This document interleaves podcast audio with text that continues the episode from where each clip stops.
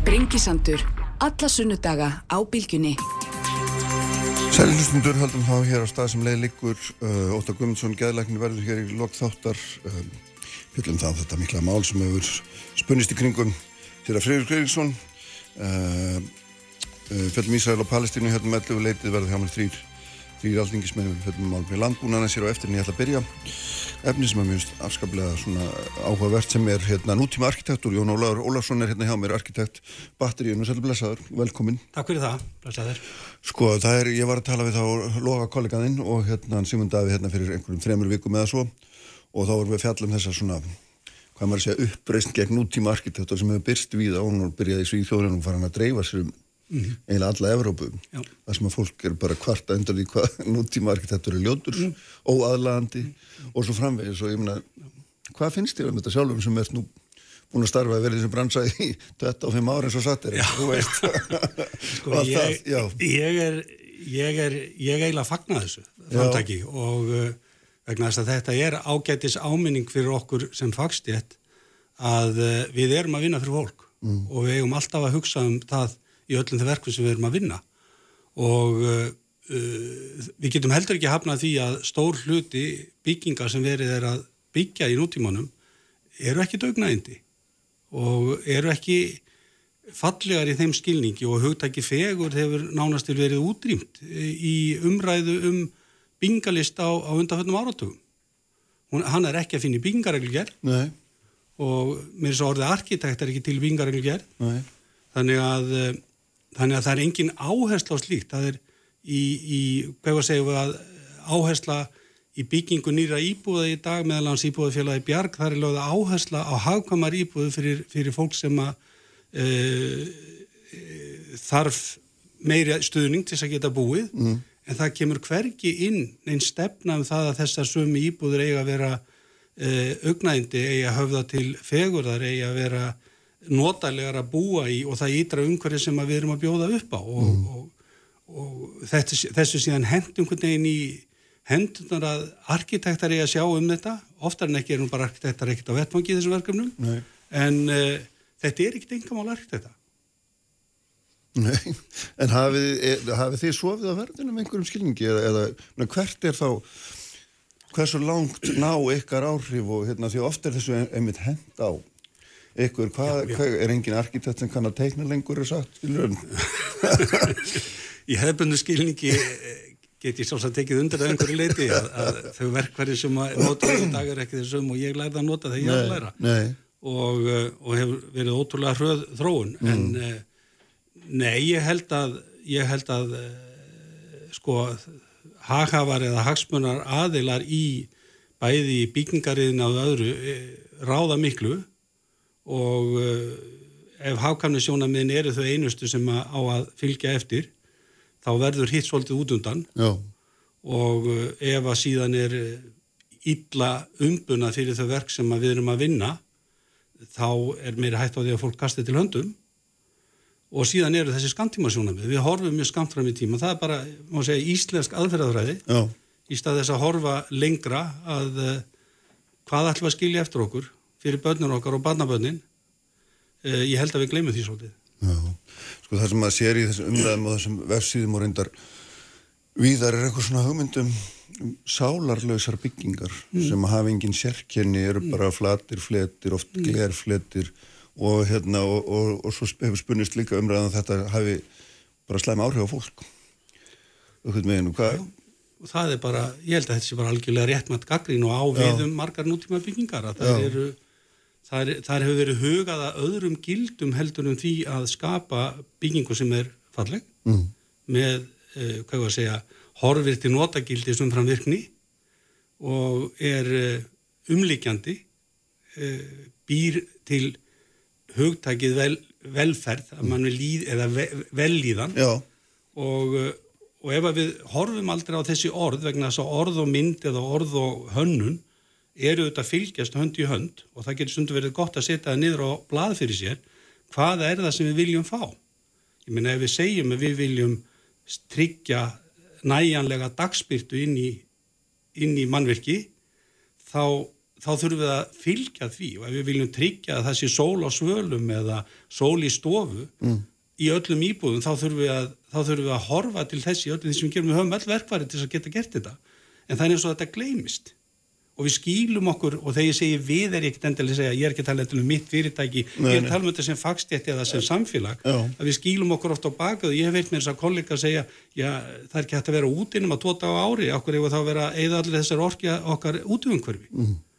en uh, síðan eru aðri sem segja, já ástæðan fyrir að við erum oftar og meira úti í sömum borgum en öðrum er vegna að það hefur verið skapað aðstæður til þess Já, þetta hangir náttúrulega allt saman. Hangir allt saman. Já, Já. Og, og hérna, hvað ræður því að þetta er, hvað ræður því að við erum komin út í þetta öngstræti eða svona, ég veit ekki hvað maður að kalla, nútíma byggingar hafa orðið viðskila við eitthvað sem við getum kallað, eða minnst, þú veist, teljið, svona hægt að segja það, það hafa orðið einhver leiti viðskila við svona almennan smekk að maður getur nota svo óljóst hugtak sko, já, sem merkir náttúrulega ekki nokkur skapaðan hlut í raun og veru. Nei, ég held að hlut að ég sé þetta að finna í því að, að, að það að með ekki tala um fegurð, já. það að við höfum ekki, þannig að fegurðar hugtakið hefur verið bara okkur fjarrri í mjög mörg ár og ég er ekki að tala um stjettina sem slíka, þetta er hinn almennu umræðu. Uh, og svumur hlutir eru bara afgriði með annarkvæmst séð þeir fallegir eða ljótir og þessi bara skoðun já, já. en það að leita eftir hinnu góða að leita eftir hinnu fagra að leita eftir því sem að skapar okkur betri uh, heim og betri umhverfi það er eitthvað sem að, sem að er ingróð, það er ingróð allavega í, í mitt viðþór til, til þess að vera arkitekt mm. og, og það var mjög ánægilegt til þess að ég held fyrir einhvern fjórum árum síðan kemur í myndi Europasambandi fram með, með svona nýja stefnu uh, sem að Úrsula von Leyen fylgd úr hlaði um sem að þau kölluðu uh, der neue Bauhaus mm -hmm. og, eða nýja, nýja Bauhaus sem, a, sem a er endur tekník á því sem átti sér í rauninni stað fyrir hundra árum síðan og, og gengur út á veltastöflu hvað fór, hvað fór úrskiðis, hvað, hvað gerði við rangt og, og hver eiga líkilorðin okkar að vera? Og skildu það vera önnur heldur en það sem vitir við spendi áfyrir yfir 2000 árum síðan? Já. það er fegurðinn, það er notagildið Já. og það er í raunni uh, því sem við kallum sjálfbærnin.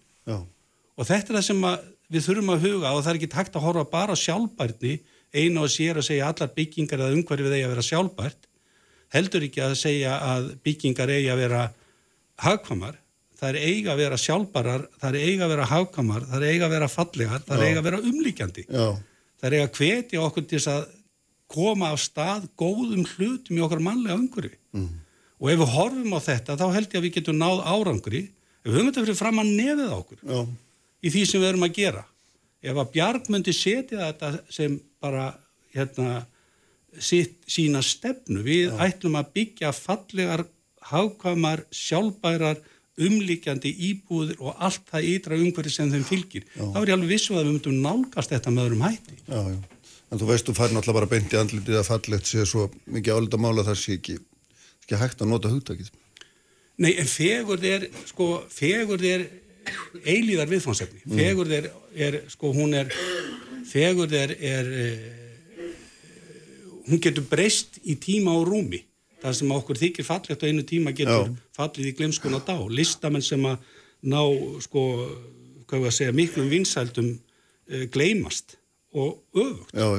þannig, en það á ekki að það á ekki einhvern veginn að ít okkur frá því að fjalla um fegurðina. Við verðum í öllum okkar viðfáðsæknum einhvern veginn að reyna að fóta okkur í því að, að tala um fegur. Ég hef svona, ég hef svona sagt, ég hef svona reynda að nálgast þetta líka og segja, heyrðu, ok, ef við viljum ekki tala um fegur mm. og við megum ekki tala um fegur hvað er þá að tala um? Veist, hvað er það þá í eðli mannverkis eða byggingar eða umhverfis sem við megum að sækjast eftir Já. og ég hef svona eitt af því er orðin svo augna indi eh, ég veit ekki svo, hvernig Já. það horfir eh, þú möttir líta það en Já. fyrir mér er það eitthvað sem að, er, sem að ég hef indi af því að sjá og skoða mér líður vel með það Og, og ef við viljum ekki tala um fegurðan og finnst það í rauninni og óljóst hugtak, Já. reynum þá allavega að finna einhver önnur hugtök mm. sem, sem hveti okkur til þess að gera góða hluti. Mm. Skapa góðan arkitekt og skapa gott umhverfi fyrir fólk. Vegna þess að þetta snýst alltaf á endanum um samfélagið, þetta snýst um fólki sem býr í borgunum, býr í húsunum. Mm. og við eigum að vanda okkur, við eigum að vanda okkur hverja einasta verki sem við tökum okkur hendur. En hvernig horfir við þér að því að þú talar um vandvirkni, hvernig horfir þá við þér svona þessi, þessi sveiflukindi bransi sem að byggingamarkaðin á Íslandi er, kannski sérstaklega sko húsnæðismarkaðin, ég veit að það er ekki beint eitthvað sérsvið að teikna íbúður en þó því að við eitthvað gert að því, en, en meina það er, það er svona veist, nú kemur lægð, það þarf að byggja x margar íbúður á næsta mm, árum, mm, það eru svo margar að hérna, það þarf að augljóslega hrúa þeim upp. Já, já. Og, og hvað gerist þá? Hvað verður um vandvirknina, gæðin og ég tala nú ekki um notegildu og fegurðina, sko? Þetta er náttúrulega stór áskorun og, og hérna, ef við hórum tilbaka, við tökum hlumist bara Þískaland eftir stríð eða tökum samfélag sem að fer í gegnum stríðsástand mm. og það þarf að byggja upp þá verður auðvitað nánast til uh, leitað eftir því að gera það með sem hraðvirkustum hætti til þess að annað þeirra eftirspunni er. Þannig að það að vera hraðvirkur mm. þýðir ekki endilega að vera hraðvirkur. Við mögum ekki ruggla saman þeim skilur. Og, og við, við eigum auðvitað að strömmrýmlaga uh, ferla, við eigum að reyna að gera það í bíngariðinu sem gerir það verkum að við getum náði að náð markmiðum okkur um hraða uppbyggingu en við megum aldrei gefa eftir áhersluna á fegurt hún á bara alltaf að vera það mm. við getum ekki get, getum við hugsað okkar að bjóða börnunum okkar upp á, upp á umhverfi sem er skemmandi, eðilegjandi, niðurlægjandi útilokandi, menn öll þessi neikvæðu orð mm. í staðin þar að reyna að horfa alltaf á þetta með hinnu jákvæða eintæki og ég held að við verðum að gera það, ég menn ég get ekki stjórna hraðanum, ég get ekki stjórna hvort við náum þeim markmiðum en ég sem arkitekt mm. get alltaf stjórnað því að ég vilji ná fram þeim áherslum um fegurð og notageldi og veljiðan í þeim mannverkjum sem að mér hefur verið falið að hanna. Mm. og þannig á það að vera. Já, en finnst þér þá að hérna, finnst þér einhver hverfi sem að þekkir hér á landi til dæmis vera í þessum neikvæða anda, er, er við Já, já, nú er voðalega hættulegt að, að, að tala um það vegna að það er ár ás á menn og málefni. En, en sko vissulega talar heilt yfir svona Já, já, já, vissulega þrátt fyrir sko góða, hvað var að segja, góða fyrirætlan mm. þá hefur þetta auðvitað loðið við. Ég tek sem dæmi í bara alveg ný. Mér finnst til dæmis voga hverfið nýja ekkit rosalega vel hefnað og mér finnst 201 eh, kóp og voru ekkit fyrirmynda hverfi þar finnst mér að, að haghafar hafi gengið og langt menn ruggla mjög gjarnan saman þéttri byggð og hári byggð. Mm. við getum alveg, og ég er algjörlega fylgjandi því vegum að þétta byggð og, og vera hagkvam í öllum innviðum og öðru slíku, en það þýðir ekki að við þurfum alltaf að fara upp á 8-12 hæðir. Og, og við vitum að við búum bara á, á norrlegum hjara, hér er sólarhæð lægri heldur en eiginlega flesti staðar sem við berum okkur við. Og það hefur loði við í okkar landa við eigum að geta byggt jafn hátt og jafn þétt mm. eins og nákvæmlega þjóðurna gera þráttur að við séum með aðra uh, staðlægar aðstæður sem við ættum auðvitað miða við mm -hmm. og fyrir vikið erum við þá að fá byggð sem að er of há, hún er of þétt, það er of mikill skuggi, það eru of vond útvistasvæði og svo hefur íslenska sérginni bíl að húsi allstæðar sem skapar það líka að við erum með bílastæða auðnir í kringum mannverki og sára lítið um græn útvistasvæði eða svæði þar sem fólk getur dvalið og notið að vera. Já, þetta er svona umræða, svona tótni umræða sem búin að vera með lengi en þrátt fyrir það svona, ég veit ekki, breytist freka lítið í þessu eða hvað? Ég minna, ef við erum með félag eins og ég ætla bara að nota bjarg, ég ætla að nota tækifærið og hvetja bjarg, ég er ekki að gagna, ég vil freka að hvetja, segja, e, þeir hafa þar hlutverk til næstu ára mm. að byggja mikið af íbúðum fyrir fólk sem að getur, sem, fyrir þann notendahóp sem hefur ráðaði að kaupa þeirra íbúðir eða búið þeim. Setiði áherslutnar á notagildi og fegurð á sjálfbarni alltaf. Það sé ófrávíkjaleg krafa í því sem verið er að gera og, og eigiði þetta samtal við ykkar arkitekta um það að þetta sé það sem að þið setið á ottin. Við munum öruglega geta fundið hákamalega til þess að gera það, mm. við munum öruglega geta fundið hraðvirka ferla til þess að byggja þessu hús, en ef við horfum bara á hér hraðverka og hákamnina, Já. þá gleymist hitt. Er öfu forgangsröð. Kostar fegurinn ekki peninga? Fegur kostar ekki peninga, því. Hún er, hún er til í stóru og smáu, mm. við getum farið inn í Pantheonhofið í Róm og, og, og, og hrifist að mikilfenglega þessa hof sem er einhver merkilegasta bygging í heimi fyrir og síðar. Við getum líka farið austar á Núbstað og sest inn í bænahúsi þar sem er pínulítið Íslensk torfhús kirkja með útsýn út um pínulítið glugga austur í Lómagnúp og við getum upplifað sömu fegurð. Þannig að þetta snýst ekki um stærð, þetta snýst ekki um stað en til þetta snýst um mannlegt hugvið til þess að gera hitt góða mm. og alltaf að leytast við að gera það sem er gott. Mm. Man sér ofta, sko, þegar fólk er að bera saman það sem því þykir fallegt þessum, í þessum hópum mm. sem eru andstöðunum í nútíma arkitektur og það er ofta að byrta myndir af húsum sem eru með miklu flúri, Já.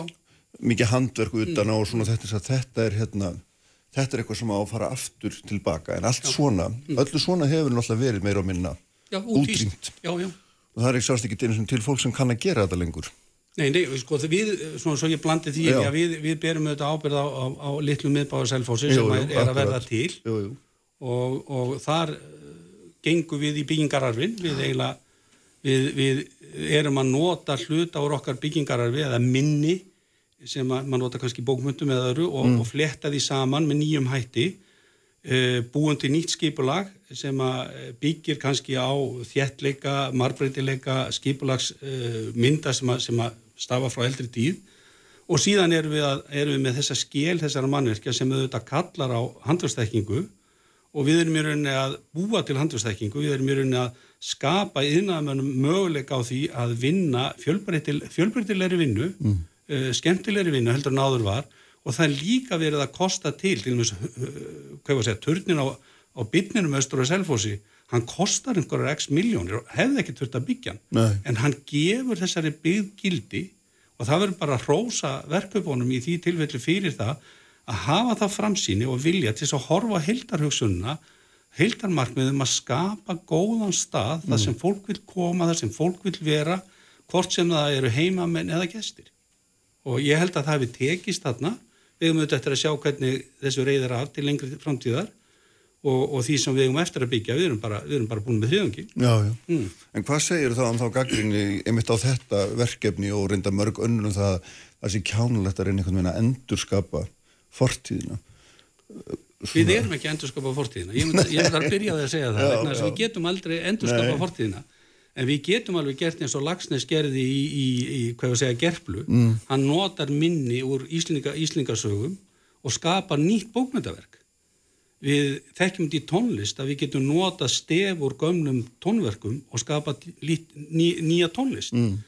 þetta hefur verið svolítið bannorð í byggingalist að, að það megi ekki tala við fortíðina, það megi ekki nota minnin, gömlu stefin eða annað í því sem við erum að skapa heldur þarf það alltaf að vera svona nýtt, svona undir hugtækinn novelty, það má ekki hafa sést áður. En ef þú fléttir í gegnum tímaritt nútímas eða á netinu og horfir á byggingar sem verið er að byggja hér og þar um allan heim auðvitað upplifið sömu eftir öpunina, eftir Já. hermunina e, og er hún heilar og betri heldur en það að sækja stef í gamla byggingararfin ég held þetta eigi allt auðvitað rétt á sér í sjálfi sér og það er ekkit eitt sem leysir annað af holmi en sko svo sannarlega ekki, ekki ganga á byggingarafli við verðum að, við verðum að bæða lifa við hann, búa við hann, hlúa að honum mm. og uh, já og, og, og skapa staði þar sem að fólk fyrst og fremst vil koma og vera Er, er þessi, þessi áherslu á þetta nýja sem þú vorust að nefna er hún, er það skýringin á því að við nánast útrýndum torpaðum til dæmis og, og fannst þér eða áttum voru mjög lengi aukvitað að það væri eitthvað í þeim sem að veri svona merkilegt fyrir okkar sögum. Já, það er eins og, sko, við skömmuðumstum okkar svo mikið fyrir að, að eiga bakgrunn í, í, í Torbæja, við nánast til eittum honum á tíu árum. Mm. Það var örskömmu tímabili sem að Torbærin var eittur, eða hún var eitt, og, og við erum, ég, ég hef dálitlar ágjör að því í dag að þau fáu hús sem að ennþá eru Torbæir, e, eru söpn og þánga sækja ferðamenn, ellendir og innlendir, og ég hef ágjör af svona stað eins og bara glömba í skafafyrði það sem að koma rútur eftir rútu á hvern meinasta degi og leggja á stæðinu og ganga um þessi hús. Og við vitum alveg að þetta, þetta er ofbásleg áraun fyrir svona viðkvæmar byggingar mm. og í sjálfu sér held ég að við verðum að endur skoða líka afstöðu okkar til þess að við getum alveg sínt byggingararfin með því að ég vil að búa til nýjan torbæ en leifa þessum viðkvæmu torbæum okkar sem eru að vera meira í friði mm. og hlúa betur að það með öðrum hætti því erum ekki að því í dag. Mm, þannig eftirlíking myndi vera verið í lægin? Já, Já, algjörlega. Já. Ég meina við eðilöðum stöngi í þórsadálum með, með, með því að hleypa fólki þar inn. Við erum að eða við erum að eigða menningararfi víða um heim með því að grafa upp fornminjar og hleypa manneskinu inn á þessi svæði eða veðri og vindum sem að eigða því og skemma. Þannig að stundum væri kannski skynsanlegast að sem við gerðum eftir að hafa grafið eitthvað var að grafa það bara niður aftur. Að... að Takk að myndaði og loka þessu. Já, ég, ég held að það væri, væri, bara, væri bara ein leið. Já. En við erum, við erum skamsín, ég ætla að bæta einu við líka, sem er líka með að við eigum svo ríka náttúru og við höfum haft, uh, okkur finnst hún vera eitthvað sem að við getum bara afgrætt að hún sé það sem að það sem að sé næjanlegt að horfa til, við þurfum ekki að skapa allir með skræni útvistarsvæði í borgum að því að við eigum svo mikið að fítni ósnortinu náttúru umhverfis, en fyrir vikið er Reykjavík og mörg sveitafjölu á Íslandi og eiginlega flest mjög fátak af borgarímum sem að við þekkjum til þessu velfram, Kaupana, mm. London mm. eða fleiri borgum. Þú tala um einhverja? Almenni skarða, já, já, sem eru mótaðir mannlegt umhverfi sem eru svona vin í borgareiðumörkinni það sem gott er að koma, við eigum ekkert mikið að slíkum stöðum nei, hér á landi. Nei. En þessi staða þá erum við að ganga, hluta til á náttúrunum öðrum hætti, við til dæmis, við, okkur þykir basalt uh, vera efni sem við eigum svo mikið af að við eigum bara að geta klófið það og notað í byggingar að vild og mér finnst umhugsanarvert mm.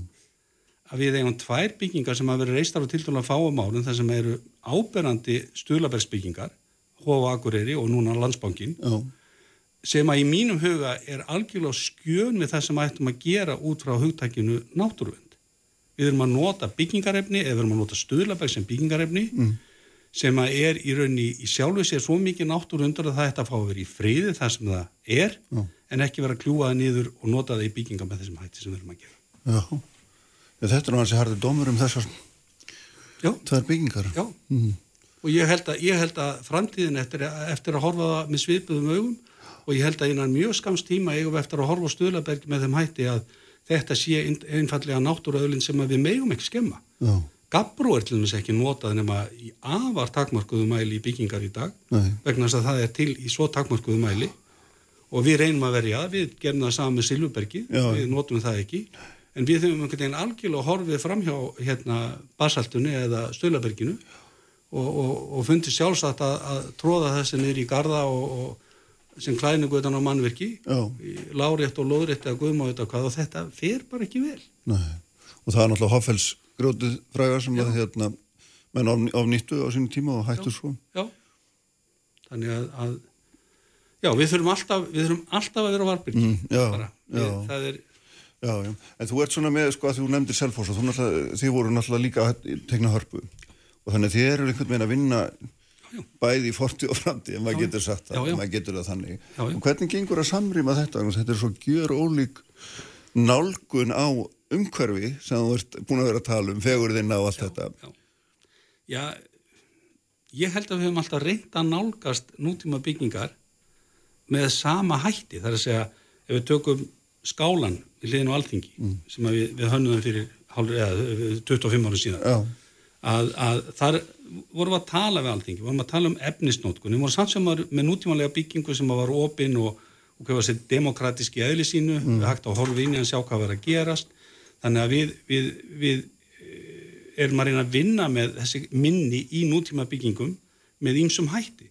Við höfum líka verið svo hefnir við fengum eiginlega mjög snemma að, að eh, hanna og endur hanna eldri byggingar, þannig að við læriðum það hversu mikilvægar það eru. Við við fluttum skólahús úr, úr, úr vonastrætunni yfir í kirkustræti við gerðum upp húsin við, við kirkustræti og, og uh, við sáum að þessi, þessar byggingar sem voru afskrifaðar af mörgum og sagt að þetta var bara ónitt drasl sem maður mætti henda Já. að svo var bara sannlega ekki heldur voru þetta bara hús sem voru vel viðuð höfðu ennst í hundrað ár. Við nótuðum klæðninguna utan af uh, hvað ég segja, gamla kvennaskólunum eða sjálfstafshúsinu sem við kvætum NASA núna eiginlega nefið Östurvöld við notum gömlu klæningunum sem kom undan uh, fórskalingunni sem var yfir 100 ára gömul og hún er öll, allur norðurgaflin á því húsi er klættur með þessari gömlu klæningu. Já. Þannig að við höfum lært að byrja virðingu fyrir fortíðinni Já. en við erum alveg óhættir að takast á við samtíman og framtíðina mm. en alltaf verið að í rauninni hvert einasta verkefni kallar á sérstakanálgun.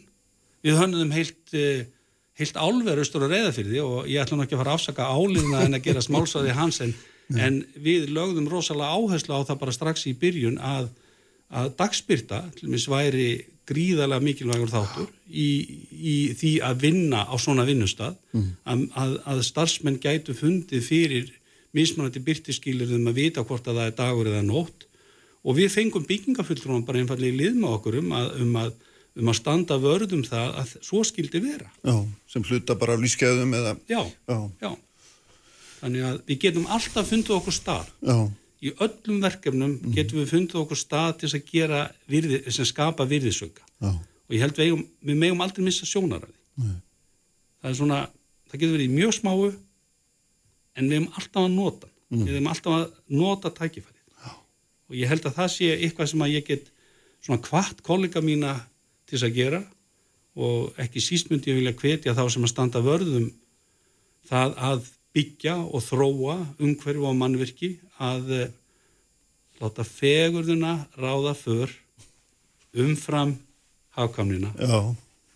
Notagildið á að vera þar en það á líka að vera þannig að sko notagildið á virkni, umfram virkni, fegur umfram hafkamni og svo hefur við hugsað um að byggingarnar okkar séu sjálfbærar og geti ennst um langan, langan. Já, hvernig taka verktakarnir því þegar þú kemur með þessa ræðum? Það er mismunandi. Ég hef unni fyrir, fyrir sveitafjölu þar sem að við höfum sett okkur umhverfislega markmiði því sem við erum að gera. Mm. Uh, sum hafa tekið í fagnandi, önnur hafa verið meira á verði, en ég held að, ég held að það verði óumflíjanlegt innan mjög fara ára að sveitafjölu eða þeir sem eru yfir höfuð að byggja get ekki hort fram hjá kröfunum sjálfbarni. Það, bara, það er útilokað. Við, við það er bara draumárar ef við heldum að við getum bara hort framhefði og sagt að það skipti ekki máli. Nei, heldur að þessi reyfing sem við byrjum á að tala um, svona anstæðum nútíma arkitekt, hún hafi einhver áhrif, já. heldur hún hafi áhrif ykkur, já. yngra fólki í stjættinu og svo framvegis. Já, hérna, alveg öruglega. Og, og það, þetta hefur gest, þetta hefur svona læðst aftan á okkur svolítið, en ég sýnist að, að, ég sýnist að hún muni hafa áhrif. Mm -hmm. Ljómandi, Jónulegur, Bestu þakki fyrir að koma. Takk fyrir mig. Þorgjörður Katrín og Þóraningi Pétursson hérna eftir þá fellum við landbúnað. Sprengisandur á bylgjunni alla sunnundasmórna. Sælum eftir hlustendur. Uh, Jón Ólaður Ólarsson, arkitekt, farin frá mér eftir hressilegu ferðum. Já, svona ströym á stefnur í nútíma arkitektur. Hérna, uh, Óta Guðmundsson var í lók þáttar þegar það er Dilja Mist Einarstóttir Uh, Ardís Anna Kristján-Dóttir Gunnarsdóttir og Orri Páll Jónsson á eftir. Fjöldum þá um Ísrael og Palestínu. Sestir hins vegar hjá mér Þorgjörður Katrín Gunnarsdóttir formaði viðrestnar og hérna sem fyrirvrandi landbúnar á að sælu blessu og velkomin. Og í símanum Þorður Ingi Pétursson sem er formaður aðvunnu veganemdar alþingis og bóndi til 30 ára. Sælu blessaður Þorðurinn Já, góðan daginn, hún er sæl. Sæl, sæl. Sko, hérna, Þorðurinn, hún var hérna fyrir vikum Vigdís Hessler, frangatistur í bændasamtakana fór mikinn um uh, hræðilega stöðu bænda Uh, þú ert bóndi til 30 ára á Söfjörbondi og hérna ert farmaður aðvunni við að nefnda og ég veit að þetta brennur á þér. Hvaða hérna, er þetta staða sem hún þekki, sem hún lísti, það vantar 12 miljardar inn í aðvunningreinna lámarki 20 ef mann reikna bændun og þokkali laun fyrir vinnuna sína uh, og hérna hálfgett neyðar ástand. Hvernig, hvernig sér þú þessa stöðu? Jú, ég tekið undir, undir það með viktísi að staðan er, er alls ekki björguleg og hérna hún er bara verulega slæm. Hún er verulega slæm sérstaklega, sérstaklega hjá þeim bændum sem að skulda peninga eins og svo sem er með almenning sömu leiðis að þetta tekur rosalega í þessa vastahækkanir og, og annað en, en á sama tíma hefur við hafa bændur gengið í gegnum gríðilegar aðfangahækkanir sem að, sem að hérna, tengjast uh, COVID-faraldri og stríði og svo framvegis þannig að, að þegar að þetta bætist nú allt, kemur allt saman í á að eitt og og séð er mjög sérstök staða sem er leiðis hvað varða bændur að, að fjárbendingin er gríðalega mikil eh, miða við þá veldu sem er á búinu. Þannig að þegar að svona, svona hérna, breytur koma inn, þá ræður eksturum bara einfallega ekki við það og, Mhm. og við því ver- verður að bregðast og, við í sjónum bent og það og bændisandvíkina að þurfum við bara að koma inn með meira ofinbært fjö og hérna inn í, í endurskoðum búur og samning og svo framis en, en við, það gera sér líka allir grein fyrir því hvernig staðan er í efnahagsmálum og hérna menn þurfa, þurfa að gæta því og, og þá er spurningi hvað getum við gert annað Mm. og, og það er það svona svo sem, sem ég hef verið að benda á upp á, á síkastið að hérna að horfa á ytri umgjör, starfskilir og, og fleira og, og sumulegis að aðtúa það hvort að e, og sk- skoða það bara í fulli alvöru að hvernig við e, getum létt undir með þeim skuldsettustu og, og verið þá að skoða það hvort við getum ekki færið með það í gegnum byggðarstofnun og, ég veit að innveðar á þeirra e, hefur verið með það í skoðun og, og sumulegis þá er kemur þetta inn í það að, að meðalaldur bænda er náttúrulega mjög hár, hann er fyrir hvað 57-8 ár og, og það er bara er ómögulegt fyrir nýlið að koma inn í greinin eins og staðan er í dag Mm.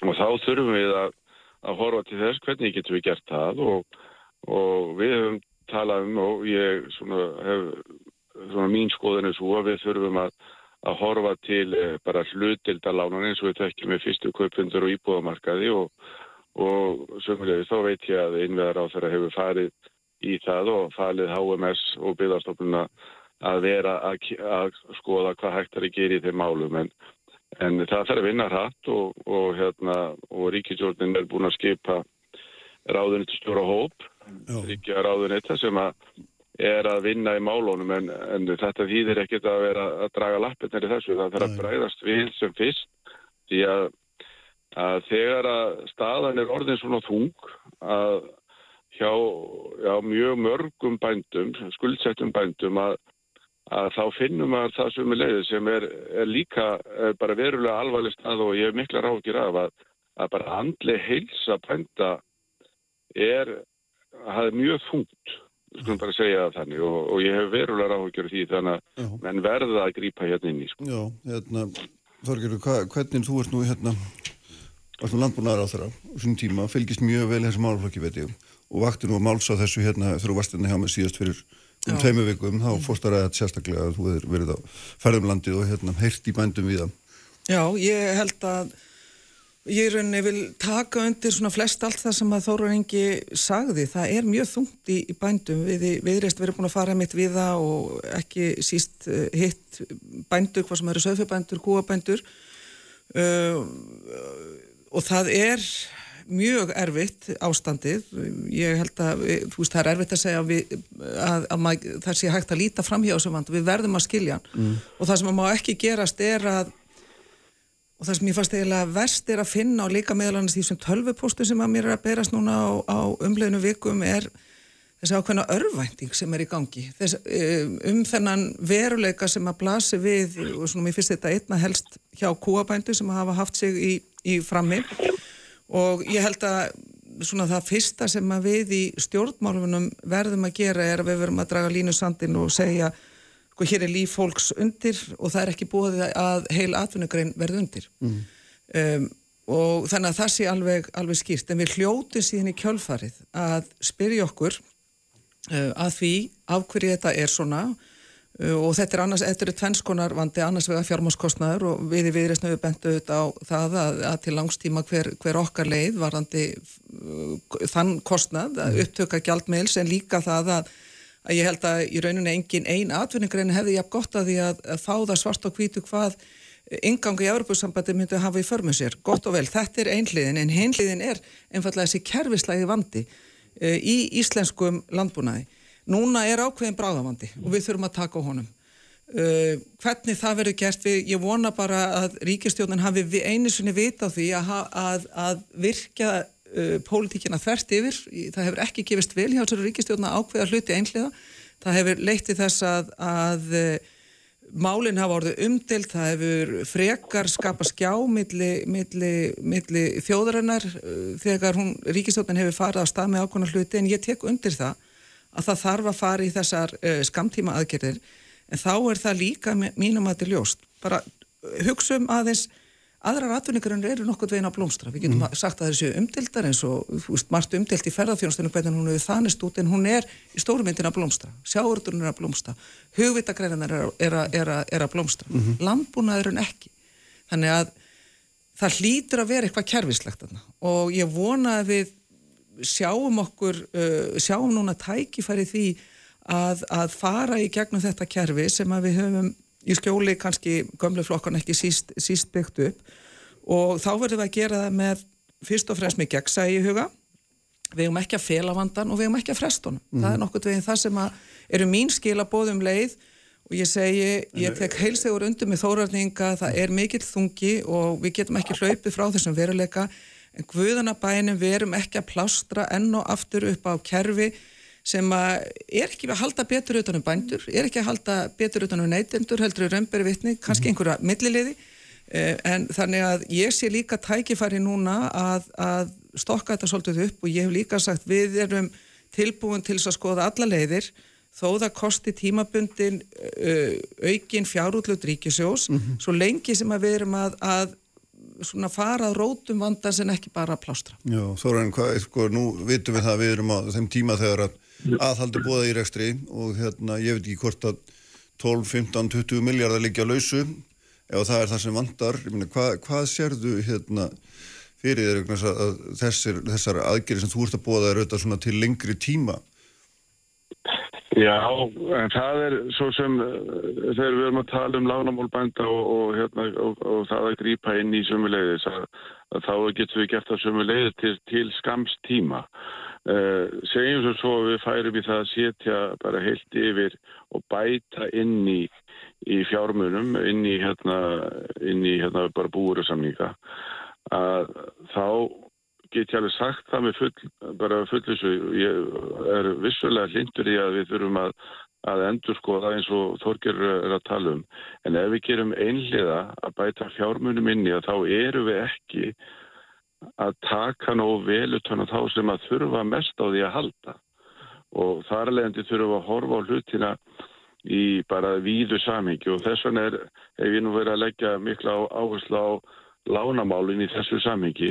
Er, er, og, þá, fyrir, er, er það þá um afskriftur að lána með eitthvað slíkt? Nei, ég er bara að hugsa það sem ég, bara fyrir, það sem ég, ég nú er að tala bara beint fyrir frá sjálfum mér, að, sko, það sem ég er að tala um í þessu, að við búum bara til nýjan lánaflokk þar sem við erum bara með vextina bara mjög lága, jafnvel með yngri hins ofinbera og við þekkjum þetta til dæmis frá Danmörku og fleiri, fleiri stöðum, Noregi, það er bara, er, er bara steddi, fast gjald fyrir það þegar þú kaupir jörð að þú ert að borga, lánin eru mjög, mjög laung til 40-50 ára eitthvað svo leiðis og, og vextir lágir og þú ert sjálfur sér, er bara sjálfur sér að borga e, ve, borga vextina þetta sjálfur sér svara lítið að borgin og höfustóli og þetta er ég að segja bara í, í þeirri stöðu að menn til þess að maður geti haft líf og borga sér laun að það lítur að vera sko hérna, aðalmálið í verkefninu ekki hvað þú átt er að hérna, upp er, upp er staði í, í lók hverir þegar þú ert bóndi heldur það að meðan þú ert að starfa í, í greininni þá getur þau greittir ákveðin laun eh, framfleytt fjölskyldu og svo framvegis og, og lifa bara nokkuð svona eðlu lífi eins og fólk vil lifa. Í dag er þetta þannig og hefur verið því miður til mjög langs tíma að menn eru að vinna alveg óheirilega mikið miklu miklu meira heldur en hérna gengur að gerist á almennu vinnumarkaði. Vissulega eru menn hérna sjálfstæðar aðturreikandur. En menn geta með eiginlega engu móti tekið sér frí og margir þessir yngri bændur hafa bent á það í, og við þorgjara vorum bæði á góðum fundi hér um daginn í, í Salum í Kópóið sem ungi bændur stóðu fyrir að þá fórum við bara að tala um það að þeir sko menn hafa ekki tíma fyrir að sinna fjölskyldu sinni og svo framvegis. Bara þessu venjulega lífi sem fólk vil eigin mm. Og, og þá verðum við að finna leiði til þess að, að reksturinn geti staði við þokkalega við skuldbyttingarnar og geti borgað viðkomandi aðilum sem vinna við búið laun. Já, einmitt. En það er alltaf, hérna, það lítur alltaf þessu samanverð eins og vikti sérna fyrir viku. Þetta er allt sem verður alltaf að koma allt í gegnum ríkið. Það er alveg sama hvernig þessi snúið og það var, hún skrifaði grein þar sem hún talaði um búnaðagjald, bjargraða, svo framleini, svo lána sér landbúnaðarins mm. og svo framvegis og framvegis. Þetta er enda lausa ríkistofnarnir sem Vi... búið er að leggja niður og breyta og hérna... Sko, Þa, það er alveg ljóst með að við förum ekki í kjarnan mm. og ítunum alltaf á undan okkur að ráðast á rótum vandans síðan gjaldmiðlin eða kerfið sjálf, þá munum alltaf eiga svona, ég mun alltaf mæta hérna Já. og svara þeir, er við þurfum að, að, hérna, að gera hitt og, hitt og þetta, ég er náttúrulega tala um gjaldmiðl, það er ekki sangjant talandu um réttlæti og ég hef bent á það áður, það er ekki sangjant að bondi skula borga þrefalt herri vexti fyrir að fjárfesti fjósi, mm. mjöltafjóni til þess að vera nútímalegu, til þess að fara í ákveðna hagraðingu í landbúnaði meðan að útvegsmaðurinn borgar þrefall lægri vexti þegar hann fjárfestir í, í fristúsunni. Þannig að mínum að þið verður ekkit réttlæti fyrir en allir í landinu verða undir sama, uh, undir sama þæki þegar kemur á vöxtum. Við sjáum að það gengur ljómati vel í færu, mm. Meðal annars hjá, hjá færisku bændum, af því þeir eru á samkeppnishæfum grunni inn í sínu, sínu umhverfi. Meðan við hins vegar höfum íslensku krónuna og enginn þorir, nema kannski við, við reysn, að, að taka og svo benda á að, að keisarnan er ekki í neinu fötum, að þá verður við að því miður að fara einhverjar sértaka leiðir og þá verður við að hafa þessi leiðaljós sem að ég gatum á þann, einhver leiðaljós inn í þannig að við reynum að stíga frá þessu gamla úrelta þrótaða landbúnaðkerfi í rauninni uh, yfir í það að vera þó aðeins gegnsari og ekki fela þennan eða fresta, fresta vandanum. Eh, er það í gegnum eins og Þóraningi segir og það hefur verið eins og eitt bóndi nefndi og ég hef dreyið fram hvort að við hefum að fara í einhverja sérstakar lánalínur í gegnum, gegnum byggðarstofnun uh, með einhverjum 2-3% af vöxtum uh, jú það er allt í lægi að, að skoða en við verðum líka þá að skoða heildar myndina þannig að við endum ekki með byggðarstofnun sem eftir tíu ár þegar, þegar aðeins betur ára sem einhver, einhver íbúðalánasjóð, hún mm. seti uppi bara með, með verrilánin en ekki ekki betri. Við þurfum að skoða alveg heildarmyndina í þessu.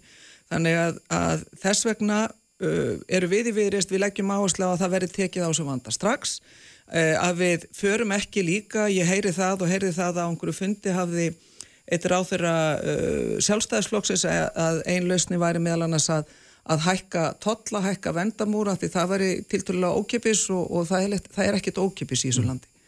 Tollar er ekki ókipis, það er einhver sem borgar það og þeir sem borga þá eru neytendur.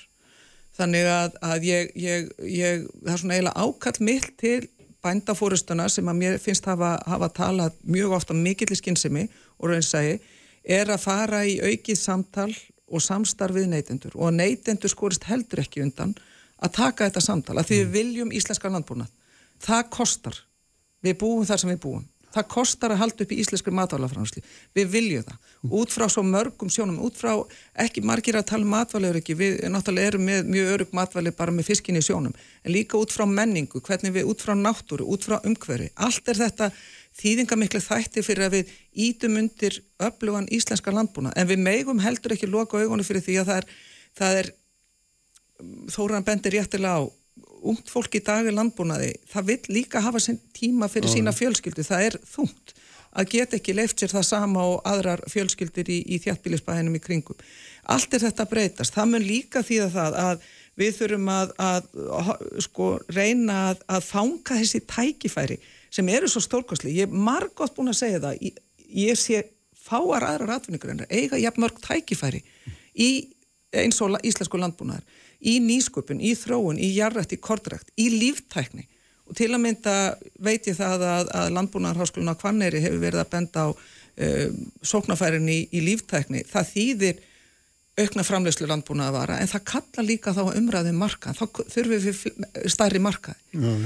hvað þýðir það að vera með aðganga að stærri markaði, já, nú segir þú eru glæstunum komin að Európa-samband, en ég har hluti af þessari mynd sem við meigum aldrei tala um, gömleflokkarnir, allir eru að íta þessu, þetta er ekki á daska hvað sem að þú heiti framsók, sjálfstæðsflokku samfélkingina eða vinstri græn, það má aldrei tala um kjarnamálsins, við komum alltaf að þessu aftur og aftur. Og, og ég undistrykka það að það eru fáar atvinnugræði sem er jafnmör. Tækifæri eins og landbúnaðurinn en líka það að eiga verið jafn forvitinu þakk fyrir niðurstaða í uh, maðelda rýrðu gagvast landbúnaði. Aðeins varðandi launamál bænda. Já. Ég var að skoða Eldsnögt. uh, eldsnögt bara Já. hlutfall uh, launabænda við, við almenn, uh, eða sérst meðalun.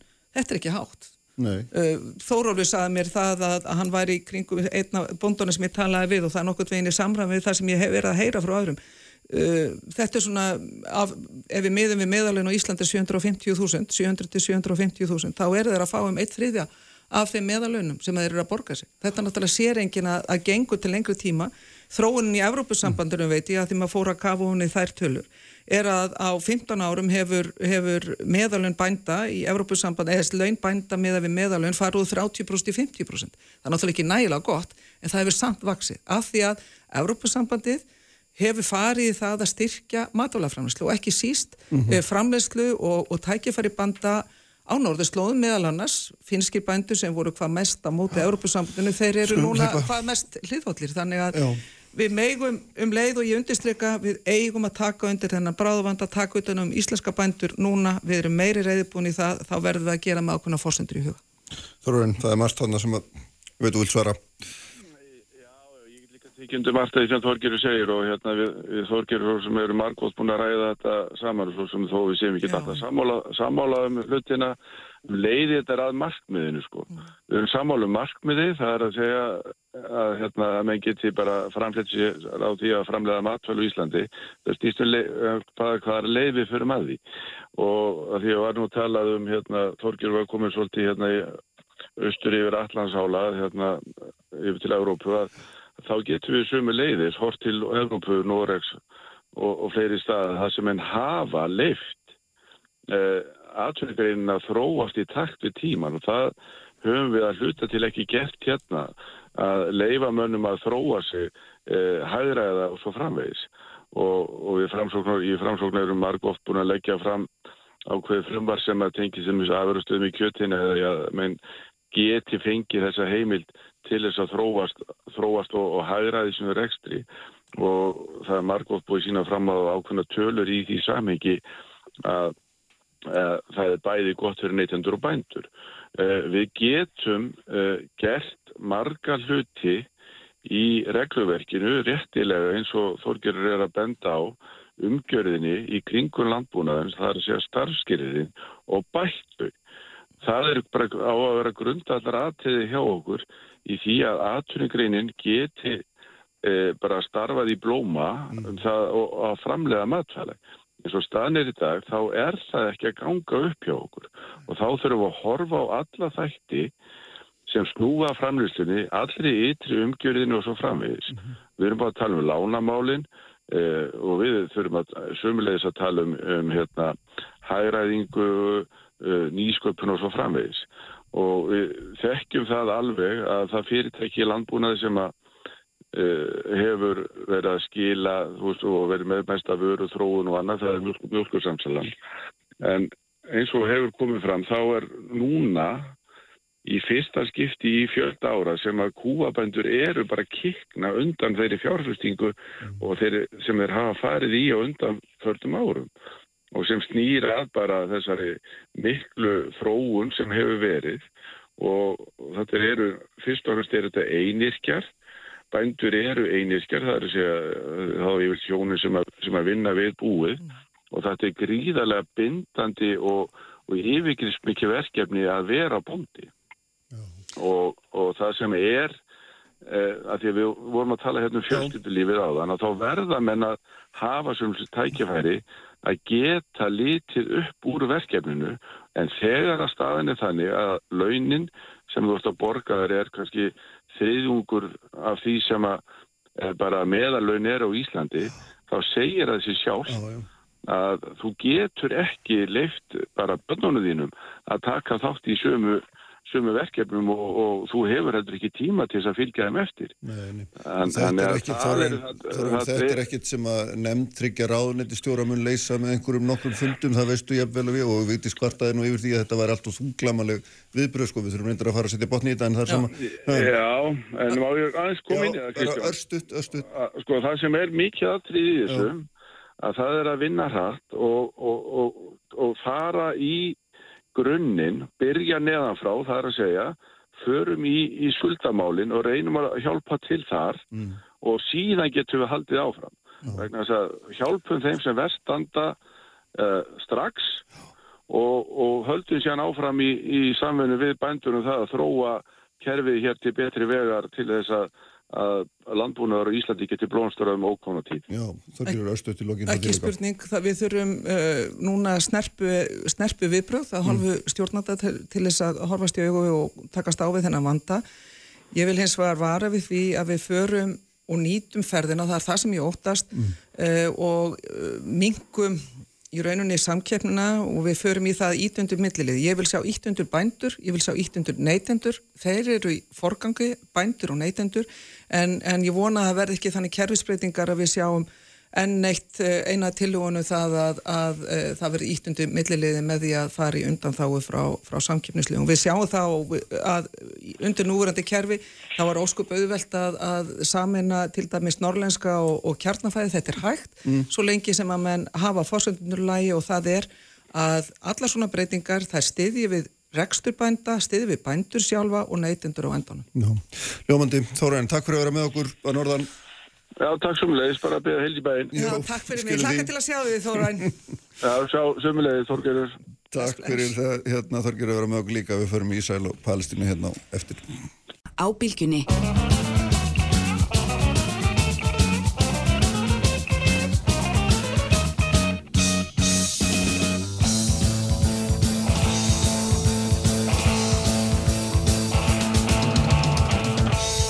Selja aftur lusnundu góðir, eh, þau eru farið fram með Þóran Ingi Pétursson og Þorgjörður Katrín eftir umræðar hér um mjög báa stöðu bændastjættarinnar í landinu.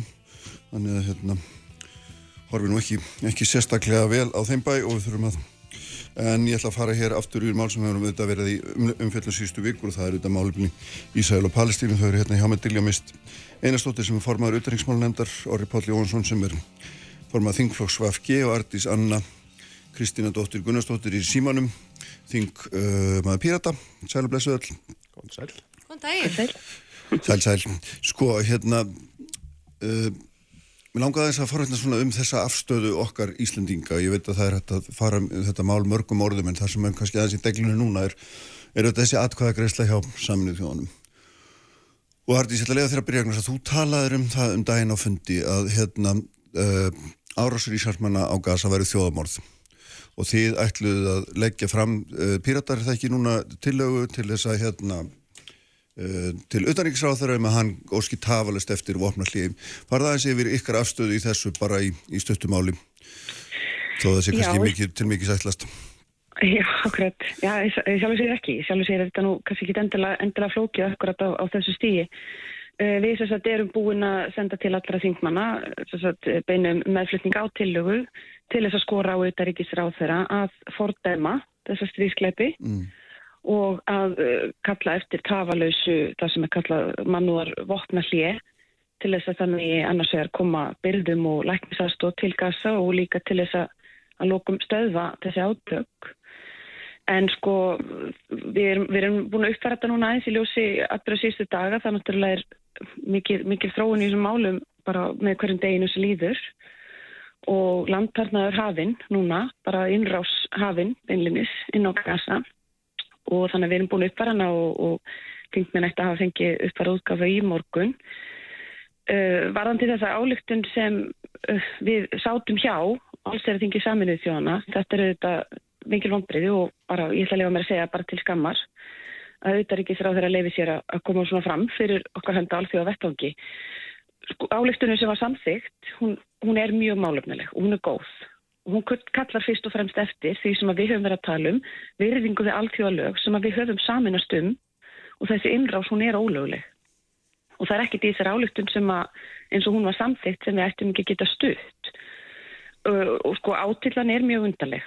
Uh, það breytinga til að Kanada sem að uh, var, var við greitum atkvæði með og kom fram að ef, að hefðum, ef hún hefði verið samtíkt þá myndi við greiða aðgæði með tillögunni. Hún er einsetning, þessi breytingatillega og öll atriðin sem að koma fram í þessari setningu eru í álíktunni fyrir utan eitt orð og það var orðið Hamas. Þessi álíktun hún hún, eins og hún var samþygt, hún fordæmir hriðjverk sérstaklega, hún fordæmir árásir gegn almennum borgurum, bæði ísraelskum og palestínskum. Það gerð skýr og skilirisleust krafa um að gíslum verði umsveifalust sleft, mannrættindi þeirra og velferð tryggð. En svo er eitt sem að mér fannst kannski mér sérstaklega áhugavert og það er það að nú stutti Nóriður áleftununa. Við tölum um að við horfum, horfum til nákarnaríkjana en það sem er kannski ekki, ekki síður áhugavert það er ástæðan fyrir því að Nóriður stiður áleftununa frekarinn að sitja hjá og það er vegna þess að þau vilja geta hlutleysis. Þau stiðja áleftununa til þess að, eins og þau kallaða, hafa á ennsku afsakið a mediating role, mm -hmm. til þess að gæta sinna hlutleysi stöðu til þess að geta aðstóða við að leysa þetta. Þannig að það er alveg auðlust að það litið svo á, sem er kannski ekki skrítið að maður lesa áleiktun, að það litið svo á og það sé í rauninni meiri afstæða fólkin í því að sitja hjá eins og við gerðum og það er afstæða í rauninni með stríðskleipum Ísraels. Mm. En það er þannig sem Ísrael hefur komist upp með þessi viðvarandi brota á allt og lögum núna um áratúa byrj. Vöktur náttúrulega aðtegli þingflokkur FG eru að mótmæla þessar afstöðu gerði það bæði skriflu og þú er komið fram og sagt að hérna og það hefur sé ykkar vilja að við hefum samþitt þetta óbreytni eins og þetta kom frá Jórdaníu en ekki, ekki látið hérna, þetta hanga á þessum breytingatilum frá Kanada. Þvert á hérna yfirlýsta stefnum íslenska stjórnmálta getur við sagt Já, sko, það er rétt að við okkur þykir að sæta fyrðu í þinglokki VFG að Ísland hafi ekki getað, Ísland stutti breytingatilu Kanada uh, En fyrst, þeir vildu samt að hinn til að hann verði samþitt okkar hálfveik sagt? Þegar að, að svo er komið, að Kanada næri ekki fram að ganga, mm -hmm. þá mhm. þykir okkur, enga síður, skilabóðin í álektunni eins og hún stóð eftir og var sannlega ekki kannski orðuð með harðasta hætti, en, en allt sem kemur fram í álektunni eins og hún var samþygt og við sátum þá hjá, eh, er í fullu samræmið okkar mati við málflutningi íslenska stjórnvalda og það er þess vegna sem við gerum uh, eða okkur þykir það sæta fyrðu að mm. Ísland hafi ekki geta gert slíktið saman. Nú, ef við teljum okkur eða okkar ágætu, ágætu fulltrúar í fasta nefndinu þann úti sem sannlega eru auðvitað bara að fylgja auðaríkis pólitík Íslands uh, telja sig þurfa að, að skerpa á einhvers konar orðalagi þá teljum við í, í þinglokki Vafki að við hefum geta gert slíktið sama og normenn gera í bara frekar langri atkvæðaskýring og ganga að mörguleiti kannski lengra mm -hmm. í, í fordæmingum. Þetta auðvitað kemur held í engum og óvart að þetta sé afstæð okkar í Vafge sem fordæmum náttúrulega bara árásir í allar áttur um allan heim alltaf. Mm -hmm. við, við bara, þetta er hryllilegt ástand sem er þarna fyrir botnið miður að hafs og virðist nú bara þykjast og vestna og vestna og hræðilegar frétti sem berast á hverjum einasta degi og, og aðalmálið í þessu er auðvitað að það verður að ná fram vopnallíi strax það er það sem að skiptir öllu máli mm -hmm. og ég sagði nú reynda líka í gæra við getum þrefað um orðalag fram og tilbaka Já. en það er bara hjóm í samhengi þess sem, a, sem að þarf að ná þarna fram. Ég meina við erum auðvitað ekki aðilar að Európa-sambandinu þó sem myndu vilja vera það. Mm. Og þar erum við búin að vera að horfa á sko fólk karpa um það hvort þú er að segja pós, pása eða pósess í flertölu þetta er náttúrulega bara alveg með ólíkind þetta stríð verður að stöðva þarna mm. suður frá Uh, af því að þetta stefnin í, og hefur, er hefur verið skjálfing, en mm. stefnin í enn verið skjálfingu. En uh, sko, fundur vinstirgætna í Reykjavík, krefst þess að ríkistjórnin fordæmi þessar árásir í sænsmanna á gasa, Akkurat. hún hefur ekki viljað gera, þannig að þið eru náttúrulega augljóslega komin hérna örulega á skjön, eins og stundum aður. Já, sko þetta er auðvitað bara eitt af okkar svæðisfélugum, ég mm. mitt svæðisfélag, ég er ekki veik sem að... Já, þetta er nú ekki bara eitthvað svæðisfélag. Nei, nei, nei. Það, það sem ég er að segja er að það er heldur ekkert og, og aftur svo í spól tilbaka, já. það er í fullu samræmi já. við afstuð okkar í vinstirhefingunum grænu frambóðu, hvað sem við erum en ekki í fullu samræmi við afstuð ríkistjórnarnar sem þið setjið í. Nei, eh, mér finnst ekki óæðilegt að græsótin gerir mm. skýrar kröfur mm. til okkar það sem við erum. Sko. Það gerist í öllum flokkum, allstaðar. Sko. Af hverju fordæmum við þetta ekki með sama hætt og við fordæmum hennar upprunalegu, hérna, ömurlegu, viðbjóðslegu árásir sem gerðar voru yfir landamærin uh, í upphafi og öllu þessum. Eða keirið þetta alltaf stað, ef maður orðið það þannig. Já, ef að ég byrja þarna á atkvæðagarislunni sem að kollega minni hér hafa hérna, fengið að tjá sig um, þá er það e, nú svo leis að, að, að e, þetta ástand sem að ríki nú fyrir botni miðjararhafs Það hófstu þetta með hryllilegri hriðiverka árás Hamas á óbreyta borgara í Ísrael. E, með þeim hætti að, að maður hefur e, bara sjaldan í sögunni séðan að eins. E, og þessi álíktun sem að var þarna til umfjöldan er fyrsta álíktunin eftir þessa hriðverk árás og við þær aðstæður þá þótti ekki bara íslenskum, íslenskum sendunendinni heldur líka mjög mörgum öðrum ríkjum sem við berum okkur gerna saman við. Norðurlöndunum, Breitlandi, Þískalandi, Hollandi, Ástralíu, Kanada og fleirum. Mjög mikilvægt að þarna eru tvenn e, sterk skilaboð frá alþjóðsamfélaginu annars vegar um að fordæma hriðjuverk Hamas og hins vegar um að krefjast tafarlaus e, man, mannúðallés þannig að vera hægt að koma að mannúðaraðstóð mm -hmm. sem eru auðvitað mjög bringt við þessa hræðilegu aðstæður og það er svo ömurlegt og ofar mínum skilningi að það hafi ekki náðst þarna samstaða um þetta þegar að gýðingar eru að horfa upp á það, Ísælsmenn eru að horfa upp á það og upplifa um allan heim hughrif sem minna það á auðvita á útrymmingu nazista og það er ekki hægt að horfa fram hjá hlut Hamas í þeim átökum sem nú mhm. geisa mm -hmm. og að því að Arndís heldur því fram að þetta hafi verið algjörlega samhljóða nema að það hafi vantað þarna einn eitt orð eitt orð er auðvitað alveg gríðarlega mikilvægt ef að það hefði verið raunin raunin er svo að þetta var svona algjört móð varðandi það almennt fordamar hriðverk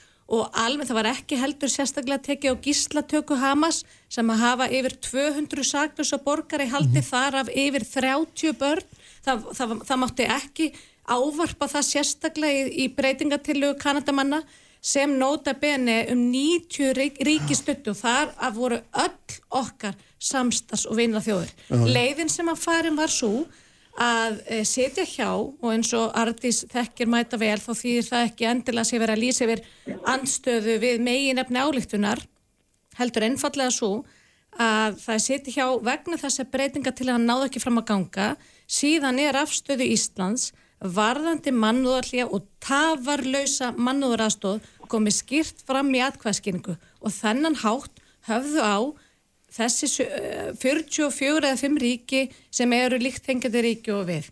Og varðandi e, afstöðu Noregs þá hefur hún auðvitað mjög augljósar sögulegar skýringar eins og Andís svona nefndi lauslega. E, þau, Noreg hefur auðvitað átt, átt ríkan þátt í fríðarviðræðum gegnum tíðina og þeir horfa auðvitað til þess hlutverks.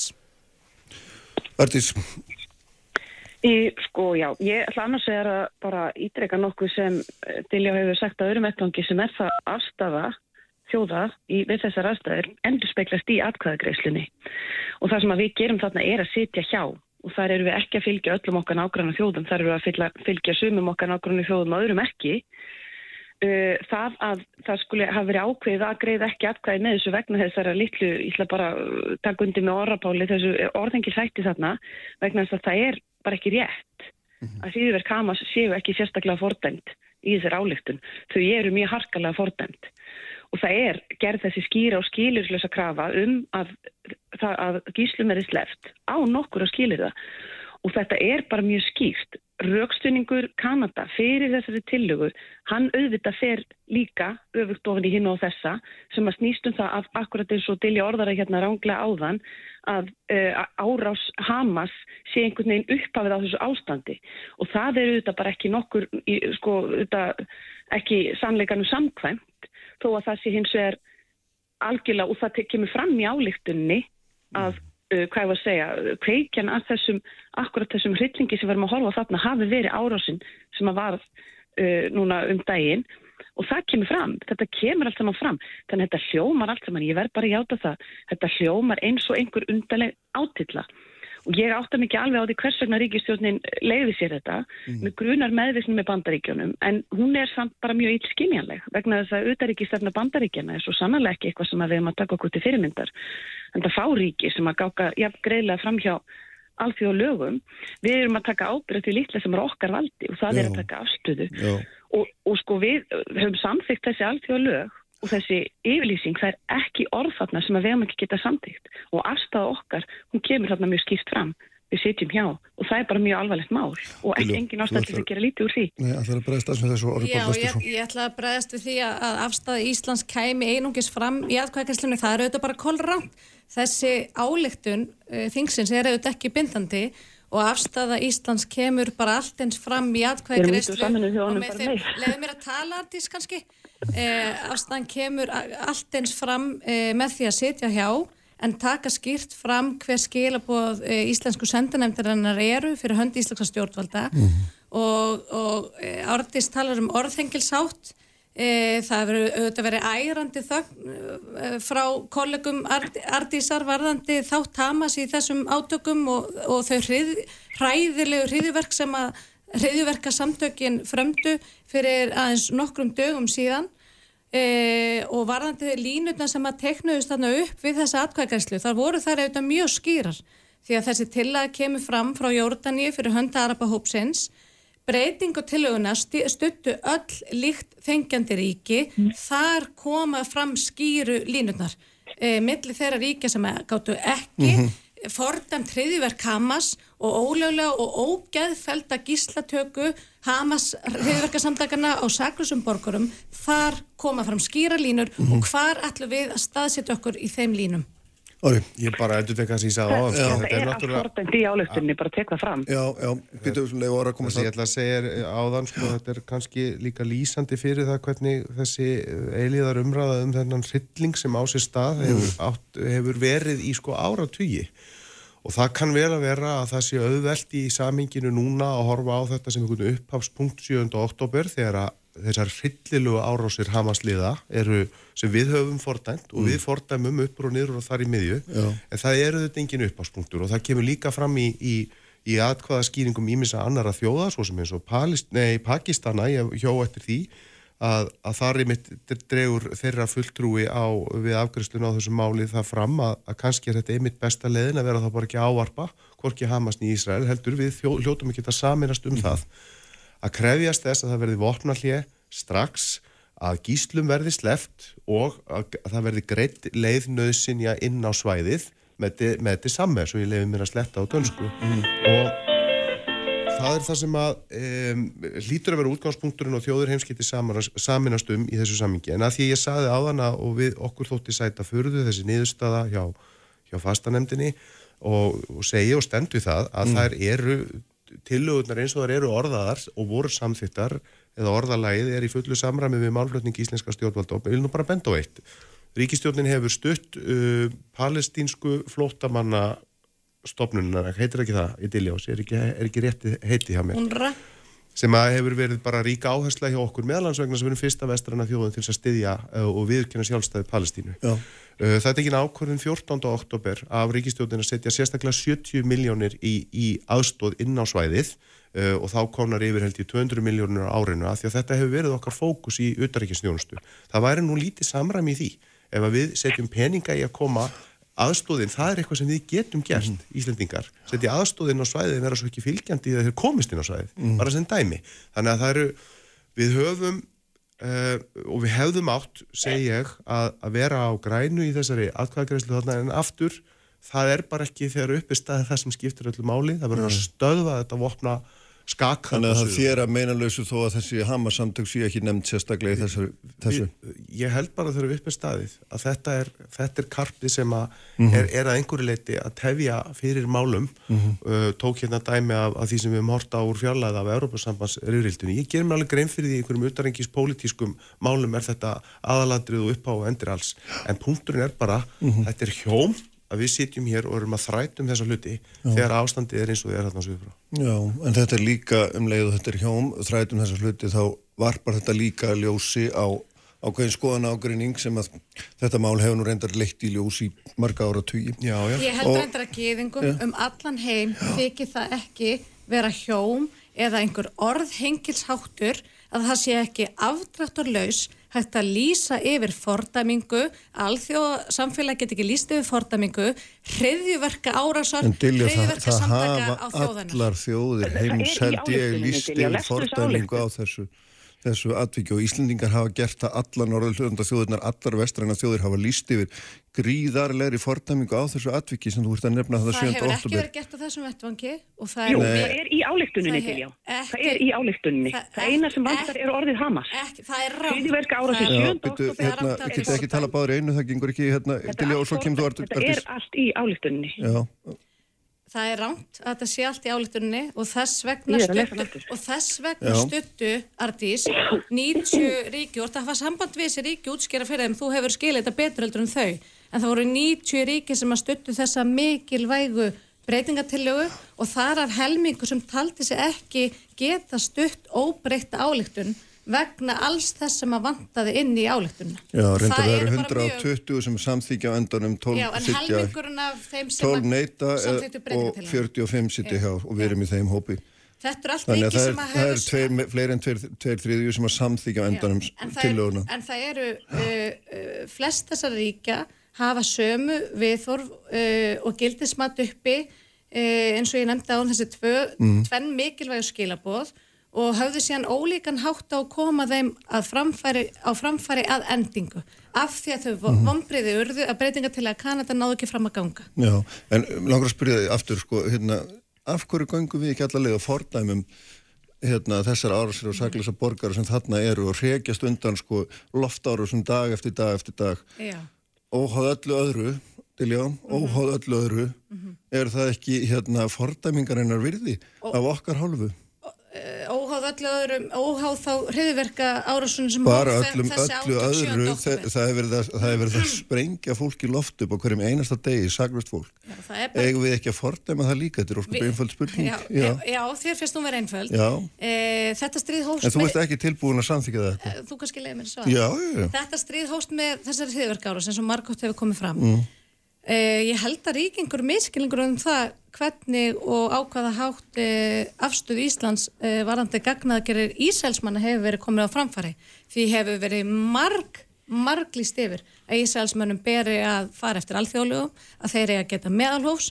Það hefur verið sérstaklega undirstrykka og lagt áherslu á það af hálfu Íslendinga í öryggisráðinu að það fari fram rannsókn á brotum og alþjóðlugum, bara svo dæmis í tekið.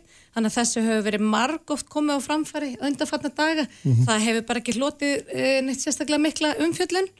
E, en við erum þarna annars við erum auðvitað að horfa á fordæmingu á hriðiverka árás viðusteklega hriðiverka árás það sem að vera að kveika í unga börnum og þau skotin í vöggunum af höfuð konum nauka og rænt og gamalmennum og, og hérna allir svo hryllingu sem við hefum orðið vitni að og hins vegar e, viðbröð þjóðar við þeim e, mhm. við þeirri reyðverkáras og samkvæmt alþjóðlegum hefur auðvitað Ísæls ekki rétt til þess að verja sig það eru bara, það eru mhm. óumdelt að, að e, hún hefur sjálfsvarnar rétt þjó, e, þjóðin e, en þeim beru auðvitað að fara að alþjóðlegum við þær aðgerðir og það er aflega rosalega sorglegt og ömulegt að horfa upp á það hvernig reyðverka samtökinn Hamas nota í þeirri baráttu börn og saklust fólk sem mannlega skildi en þeir eru auðvitað þekktir fyrir það fela sig undir sjúkarahúsum og maður spyr sig að því að það eru auðvitað mikill áhugi og þungi á, og áhersla lögð á gagnaðgerður ísælsmanna e, skiljanlega, við, við gerum það auðvitað skíla og svo kröfum að það sé farið eftir alþjóðlögum, það sé farið eftir mannúðlögum og við hefum bara orðið vittnið hlutum sem við getum ekki sætt okkur við og höfum komið því á framfæri mm -hmm. en, en þá hlýtum maður samt að spyrja á móti á eiga hriðiverka samtökin Hamas að komast upp með það að drepa 1400 saklösa borgara unga börn, konur og gammelmenni og falið sér síðan bak við börn, konur og undir sjúkarhúsum Orri. Já, ég ætlaði nú bara að segja þetta, ég verð bara alveg rosalega dabur yfir mm. þessu og held bara áfram að segja þetta með orða, orðalægi sko. Það, það getur verið ákveðin mm. afstafa að velja að horfa á þennan 7. oktober sem einhvern upphafspunkt í, í þessari sögu sem ég held að allir gerir sér grein fyrir því, öll við hér og allstarum allan heim, að er sannlega engin upphafspunktur. Þetta með að heimildir að halda sig innan alþjóðalaga, alþjóða mannúðalaga og verja sig, eh, sko að það sem við erum að horfa upp á og sjá í fjölmiðlum akkurat núna þegar að tæplega helmingur heimil á gasa hefur í jafnaður við jörðu það verður kallað, þetta verður kallað stæsta fangels í heimi. Um, og við sjáum landhernaðin hafinn eins og, eins og uh, við höfum verið að fylgjast með sívaksand og stívaksand í þessum fréttum. Þá segi ég bara þetta það hafa setið hjá í þessu samingi þarna við erum vittlusum megin í sögunni. Mm -hmm. af því að ég held að, að við um eftir að sjá því líkan hrylling og ég ætl ekki eins og að fara í þessu upptalingu eins og þú gerir til já með sko hvernig við komum fram við saklösa borgara hvoru megin línuna sem er þetta er fullkomlega óásættanlegt og þetta verður að stöðva það er bara það sem þarf, það er það sem mm. gildir mm -hmm. Artís Já, sko rétt Ísraels til þess að verja sig þarf ekkist að áreita í þessari umræðu. Þetta er Ísrael ekki að verja sig. Þetta hefur komið mjög skýrt fram, jafnvel í þeirra eigin máli. Ég ætla ekki að fara nýra á sama plan og dilja og gera hér og þylja upp einhverja, falsfritti sem er búið að reykja tilbaka. Þetta voru þetta viðstíkilega hriðverka á þessu og það er búið að fordæma það mjög skýrt og þær eru fordæmdar mjög skýrt í þeirra álíktur sem var endingu samtíkt.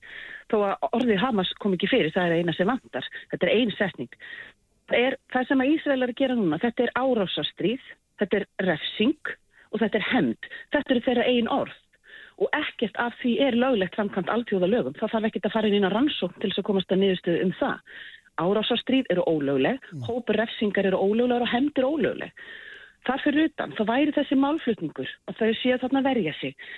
Það kom, það kom ágættis, uh, það var einhver sem að kom með það hérna, í einhverju svona casual umræðu internetinu daginn hvort að það væri raunverulega þannig að ef einhver glæpamaður kemur og felur sér á heimilu mínu þá með Íslensk stjórnvöld sprengja úr svo mikið loft upp með allir fjölskyldunum minni til það ná honum. Nei, það var sko mannlegi skildi sér nota þetta er, þetta er í öllu stríðu, þetta heimilar ekki það að strauja niður heilu, heilu hverfin og heilu löndin og það sem að sko þessi málflutningur væri kannski trúverður ef Ísrael gæti hamis um þau mannrindabrótt sem að þau hafa beitt palestinumenn og árásir um mm.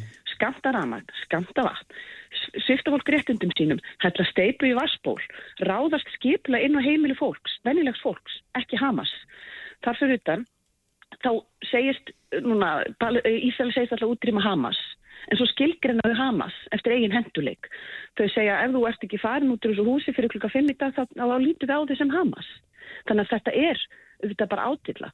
Það er verið að útrýma þessu svæði. Mm. Það er verið að flytja, það eru skipuleg fólksflutningar fólks yfir til Egiptaland þá að ítöklum þessum arbum í bættu af þessu landi og það á að taka þetta landi yfir og þau sem að fara ekki þau verða bara mist og bara fyrirgeðu til já það þarf enga rannsó þetta eru brot á alþjóða lögum og það er engin afsökun til það er engin ástæða til sem að réttlæti það að fordama þetta ekki Sko, hérna, tími flýgur en Gjörðsvöldiljó. Tíminn flýgur. Eh, Arti segir að, þessi hriðverka árás hafa verið marg ítrekka fordæmt.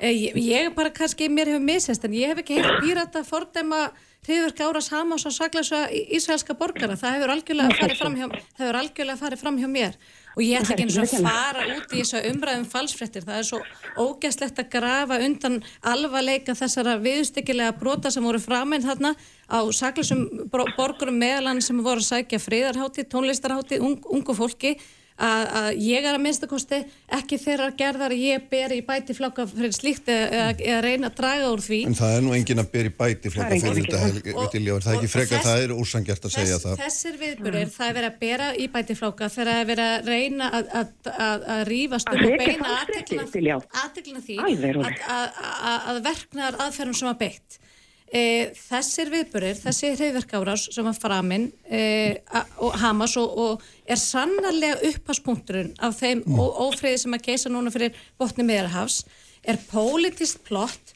Hamas og Írans og það er ömurlegt að fylgjast með klappstýrum hreyðverkarsamtaka hér á landi e, fylgja liði með þessum öksulveldum hins ítla og við sáum það skýrt í mm. þessar atkvæðgæslu hvaða ríki það eru sem að þjappa sér saman og, og neyta fordamahriði verk e, og talandum um, um, um það að fólk sé raki af landsveði sínu.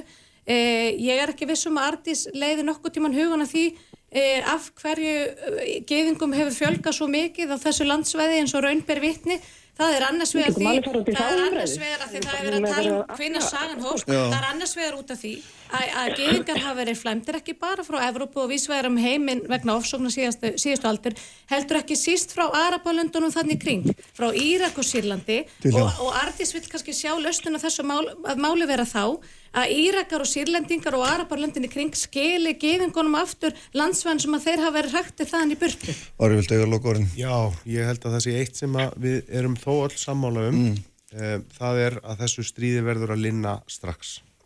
Ljómandi, bestu þakkir allt þrjú fyrir að koma. Takk sem leiðis. Óttar Guðmundsson hér eftir Öglablik. Kraftmikil umræða, alla sunnudasmórna, sprengisandur á bylgjunni. Alltaf björn og brosandi. Vertu með okkur allan daginn. Þetta er bylgjan. Uppspretta frétta á sprengisandi á bylgjunni. Sælir aftur hlustendur, þau eru fannar frá mér hér þingmenni þrýr eftir umræður um, um stöðuna í málunum málunum fyrir botni Mirahafs uh, heita deilur þarum, ég ætlum að fara allt annað, ég ætlum að fara hérna heim Óttar Guðmundsson, geðlæknir, er sestur hérna hjá mér sætla blessaður velkomin Blessaður Sko, þetta viðtal sem Egil Helgarsson átti við Guðmund Magnússon sakfræðingum nýja bókans um Sera Fririk, Fririksson, þann mikla aðskulisleið tóða við töldum hérna stopnanda KFUM og og, og, og alls og hauka og og framvegis hérna vakti mikla aðtegli vegna þess að það er svona, var leitað því líkum að hann hefði mistóta drengi. Og þú skrifar um þetta grein og þar sem að þú hérna hefur eins og þetta margir aðri benda á þetta svona hafi verið sterkur orðrómur um þetta í Reykjavík í mjög langan tíma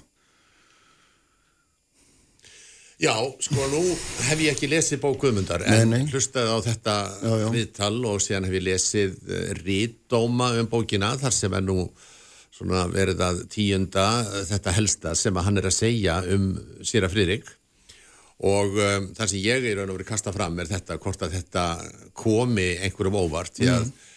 Uh, mér er svona mann finnst einhvern veginn að þessi orðrómur hafi hangið í loftinu í mjög mörg ár mm. að það væri eitthvað mísjamt sem að væri í kringum KFM og Sera Fridrik mm. sérstaklega mm. og uh, þetta er sérst ástæðan fyrir því að fóröldra mínur þau vildu ekki að ég færi í, í vatnaskó reyndar var það líka svona pólitísk afstæða þeirra, þau voru mjög vinstri sinnuð og, mm. og, og það var nú þetta sama sem er ekki milli KFM og, og sjálfstæðarflóksins en á himbói var, það var eitthvað, eitthvað sem að hekk í loftinu að, mm. að þessi, þetta, allt þetta kjass og strókur og, og faðmlög og þetta talum drengina mína að, og uh, hvaðan var að dástað þeim og því þetta var eitthvað sem fólki fannst óeðlegt og, og, og þessi, svona, þessi orðrómur var var í samfélaginu. Já, en þó ekki greiðlega nógu sterkur til þess að hann einhvern veginn brjótist upp á yfirborðið. Nei, ég veist ekki, sko, þetta Nei. eru náttúrulega allt aðri tímar, þannig Já. að það er svona litið öðruvísi á þetta, þannig að það er náttúrulega það sem að uh, allir hafa sagt frá, sko, sem að, uh, sko, sem nú eru fullornir og, og sem að letti einhvers konar kynferðsleri misbeitingu á á hér árum áður að, að fóredrarnir og sögðu fóredrar sínu frá því og fóredrarnir bara skömmuðu þau fyrir að, að vera að, að ljúa upp á einhverja uh, sóma menn Já. og það er vegna að þetta var einhvern veginn svo fjarlægt fólki að e, svona hlutir eins og pedofília eða, eða barna negð þetta mm. Að fólki einhvern veginn lokaðu augunum fyrir þessu og, og og uh, en þetta var svona einhver orðrómur sem er í gangi og sumir fóreldrar sem þeir, þeir brúðust við á þann hátt að, að meina böndum sínum eða ráleiki böndum sínum fara ekki í í, í, í þess að þennan félagskap. Mm, Sko þetta er í sjálfu sér ekkit ósvipað orðrúmnum um skekka áspjarnason sem að hérna Þorstin Viljánsson drónu aldrei vel fram en var líka einmitt svona meðalfólks lengi Já, og, þar, og það, það er kannski sko ákveðin, ákveðin samnefnari þar með, mm. með skeggja og sér að friðrik vegna þess að ég náttúrulega þvældist inn í það mál vegna þess að ég var nefandi skeggja í fjögur ár, ég var í skeggjabekk og ég kom í, í viðtal til Þorsteinsjóð og, og ég gæti einungi sagt mína hlið á því máli að skeggi Áspjarnason hefði verið besti kennari sem að ég upplifði á öllum mínum langa námsferli. Mm. Og ég reyndi hann aldrei aðneinu misjöfnu og það er einhvern veginn þarna þessi þetta tvöfalda eðli mannsins og, og mjög margra að menn geta annars vegar verið dáðir og, og, og uh, dáðir kennarar og öllum finnst mjög mikið til þeirra að koma og mm. svo eiga þeir sér þessa svörtu hlýð sem sem að eins og, eins og skeggi átti og, og það er þetta sem að sem ég hef nú skrifað um að það er frægur maður sem sagði í mér býr fól sem Já. að þannig að það sé eh, ákveðið svona fól sem að býr innra með mjög mörgum og þannig að eh, sér að Friðrik hann geti bæði verið þessi dáði æskulisleitói og sem að uh, gekk á Guðsvegum og hann getur líka verið uh, þessi öfugöki sem er að að, að, að káfa ungu drengjum að mm. annað útilokkar ekki hitt Nei, nei og, og þetta er og þetta er náttúrulega líka sérstaklega sko í sambandi við alla svona eins og eins og, eins og barnafíkn eða barnagind að, að að það er svo fíkni það er, svo, það er svona hegðun sem er svo fíkni tengd sko þannig að, að það er ofta tíðum að, að gerandin að hann áttar sig í raun og verið ekkert á því sem hann er að gera vegna þess að hann er í svo mýla afneitun mm. að hann réttlætir þetta allt saman fyrir sjálfum sér og hann sér ekkert aðtöðavert við það. Og það er ég er nú búin að vera með mjög marga eh, einstaklinga í meðferð sem hafa verið með bandlagind og og það er alveg án undantekning að engið þeirra uh, viðurkennir að þetta sé hann hafi gert brotlegur. Þetta er eitthvað sem að, að er ekki er utan þess ramma að vera brotlegt og uh, menn halda því vil fram að það hafi verið barnið sjálft sem hafi haft frumkvæði á þessu og svo framvist þannig að mm. þetta, er, þetta er ansi Þetta er hansi flókið. Já. Þannig að ég held að Sýra Friðrika hann hafi sennilega ekki síðan neitt aðtöfavert við við sína hegðun, alveg eins og ég held að skeggi hef ekki séð það heldur en, en þannig að, að því að þetta er svo flókið þetta, þetta aðtæfi, sérstaklega uh, þegar að aðtæfi verður svona fíkni tengt, því að þá fylgir því allt sem að tengist fíkni eins og afneitun og réttlæting og, og þýni, þannig að viðkomandi getur er einhvern veginn alltaf að réttlæta fyrir sjálfum sér það sem hann er að gera. Þetta er einhvers konar óviðraðanleg hefðan eða eitthvað slíkt? Já, óviðráðanleg, viðráðanleg hún er mm. óviðráðanleg meðan að viðkomandi gerir eitt í því Nei. og meðan hann viðurkennir ekki að, að þetta sé vandamál mm. en það var líka það sem ég var að benda við þessari grein sko, sem, að, sem að mér finnst mjög merkilegt eins og sko að að sko fyrir uh, mörgum árum síðan sko þá semur Megas uh, texta í sem að heitir Sortar Sortnar Centrum mm. og er á plötu sem að heitir Farðin veg sem kom út um aldamótið 2000 og um, þetta er reyndar gammal lag sem hann hefur sungið áður á tónleikum og þar er hann að lýsa svona miðnættur stemmingu í Reykjavík þar sem að mikið fyllir í og mikið ruggl og, og uh, fólk er gangand um uh, ælandi og því líkt og, mm. og þar er hann að lýsa þessar stemmingu og þar segir hann að Östustræti sé, sé kjöti fyrrt eins og segir það er enginn þar en svo kemur næsta setning sem mm. er sér að Fridrik Saurin graður situr með allt niður gyrt mm og um, maður veldur í fyrir sér sko akkur bregst engin við þessu, þessum texta og það er líka þannig sko Megas og ég við erum nú frendur og vinnir og, mm. og jafnhaldrar eða svo mm. til. Og þannig að þannig kemur aftur þessi orðrómur sko að uh, hann er að gera grínað stittun eða sér að Fríðriks sem sittur þarna uh, í lækjarkötu og, og um, með þennan lítla dreng sér við hlið. Mm. Og uh, hann er eiginlega að leika á þennan orðróm en, en viðbröðin eru engin. Þannig að, að það er eins og þetta, þetta einhvers konar samsæri þagnarinnar sko að, að það, það eru mjög margir sem vita eða grunar en, en það er ekkert sem gerist Nei, en svo, svo verður líka á það lítum að vera alltaf haldaði til haga að ekkert hefur nefnum skilningi sannast um einni neitt, það er ekki nefnum Nei, nei, ég veit, sko, ég veit í sjálf og sér ekki alveg hvað, sko, hverjar eru þær sakir sem hún er borðnar á sér af Friðrik, en en allavega þá, þá uh, var þessi orðrómur einhvern veginn mm. í svona lifandi og að, að það væri eitthvað mísjamt í kringum eitthvað aðtugavert í kringum mm. þessi eh, þessi aðlót sem hann ja. var að sína ungum drengjum sérstaklega og þessi, þessa hrifningu hans á ungum drengjum og það er þetta sem síðan megasirkir um og, og þetta sem að fórundra mínir greinlega vissum og, og fleiri og fleiri en, en einhvern veginn þetta er kannski var samfélagið mjög svona, var hitt undir það búið að takast á við svona hluti og, og uh, Fridrik var náttúrulega meðalveg svona stöðu hins helga manns Já, og, og það er enginn sem að þorir að einhvern veginn að, að, að hreyfa við þeirri ímynd. Er, er þetta samfélag sem að svona, eins og út að lýsa þar sem enginn þorra að hreyfa við svona ímynd, e, getur maður að dreyið einhverja línu þarna á milli sko, meðferðar á börnum og úlingum og eins og þessu vistheimilum sem að hefur sem að týðkaðist og er að koma upp á, upp á yfirborði bara núna löngu, löngu setna, er, getum við lesið einhverja þræði svona um viðhorf til bata úlingar til dæmis? Já, það hefur náttúrulega sko Sko, það, það er náttúrulega rosalega flókið sko, eins og allt þetta vist heimila mál eh, barna úlíkaværs að það er fyllt ákveðinni stefnu sem að menn trúa í raun að sé rétt. Fólk er ekki að, að sé, af, af einhverju ílsku að loka börn og úlinga inn á Breiðvík heldur menn trúa því alveg heilsugar að þetta sé rétt að gera þetta svona að þessu börn sem munir fara betur af því að vera í Breiðvík heldur mm. en í Reykjavík sem kallaði var en, en auðvitað var síðan mjög margt vísjan sem að gerðist á þessum heimilum en, en grunn hugsunin var þessi að, að eins og með eins og bara með, með vöggustofunar að, mm. að það er verið að tala um þessa vondu meðferð á, á börnum en þetta var bara tíðarandin þegar mm. ég er sko ungur læknanemi á, á barnadeild landsbítalans, barnaspítalar Ringsins sko árunum í kringu 1900 og hvað svona 72-73 þá er, er bara Eh, er talað um það að það sé aðal vandamáli séu þessi foreldrar mm. og uh, vegna þess að þau þvæli svo mikið fyrir og uh, börnin fá heimsóknar tíma klukkutíma á dag. Já. en öðru leiti er foreldrunum haldið, haldið frá, frá börnunum.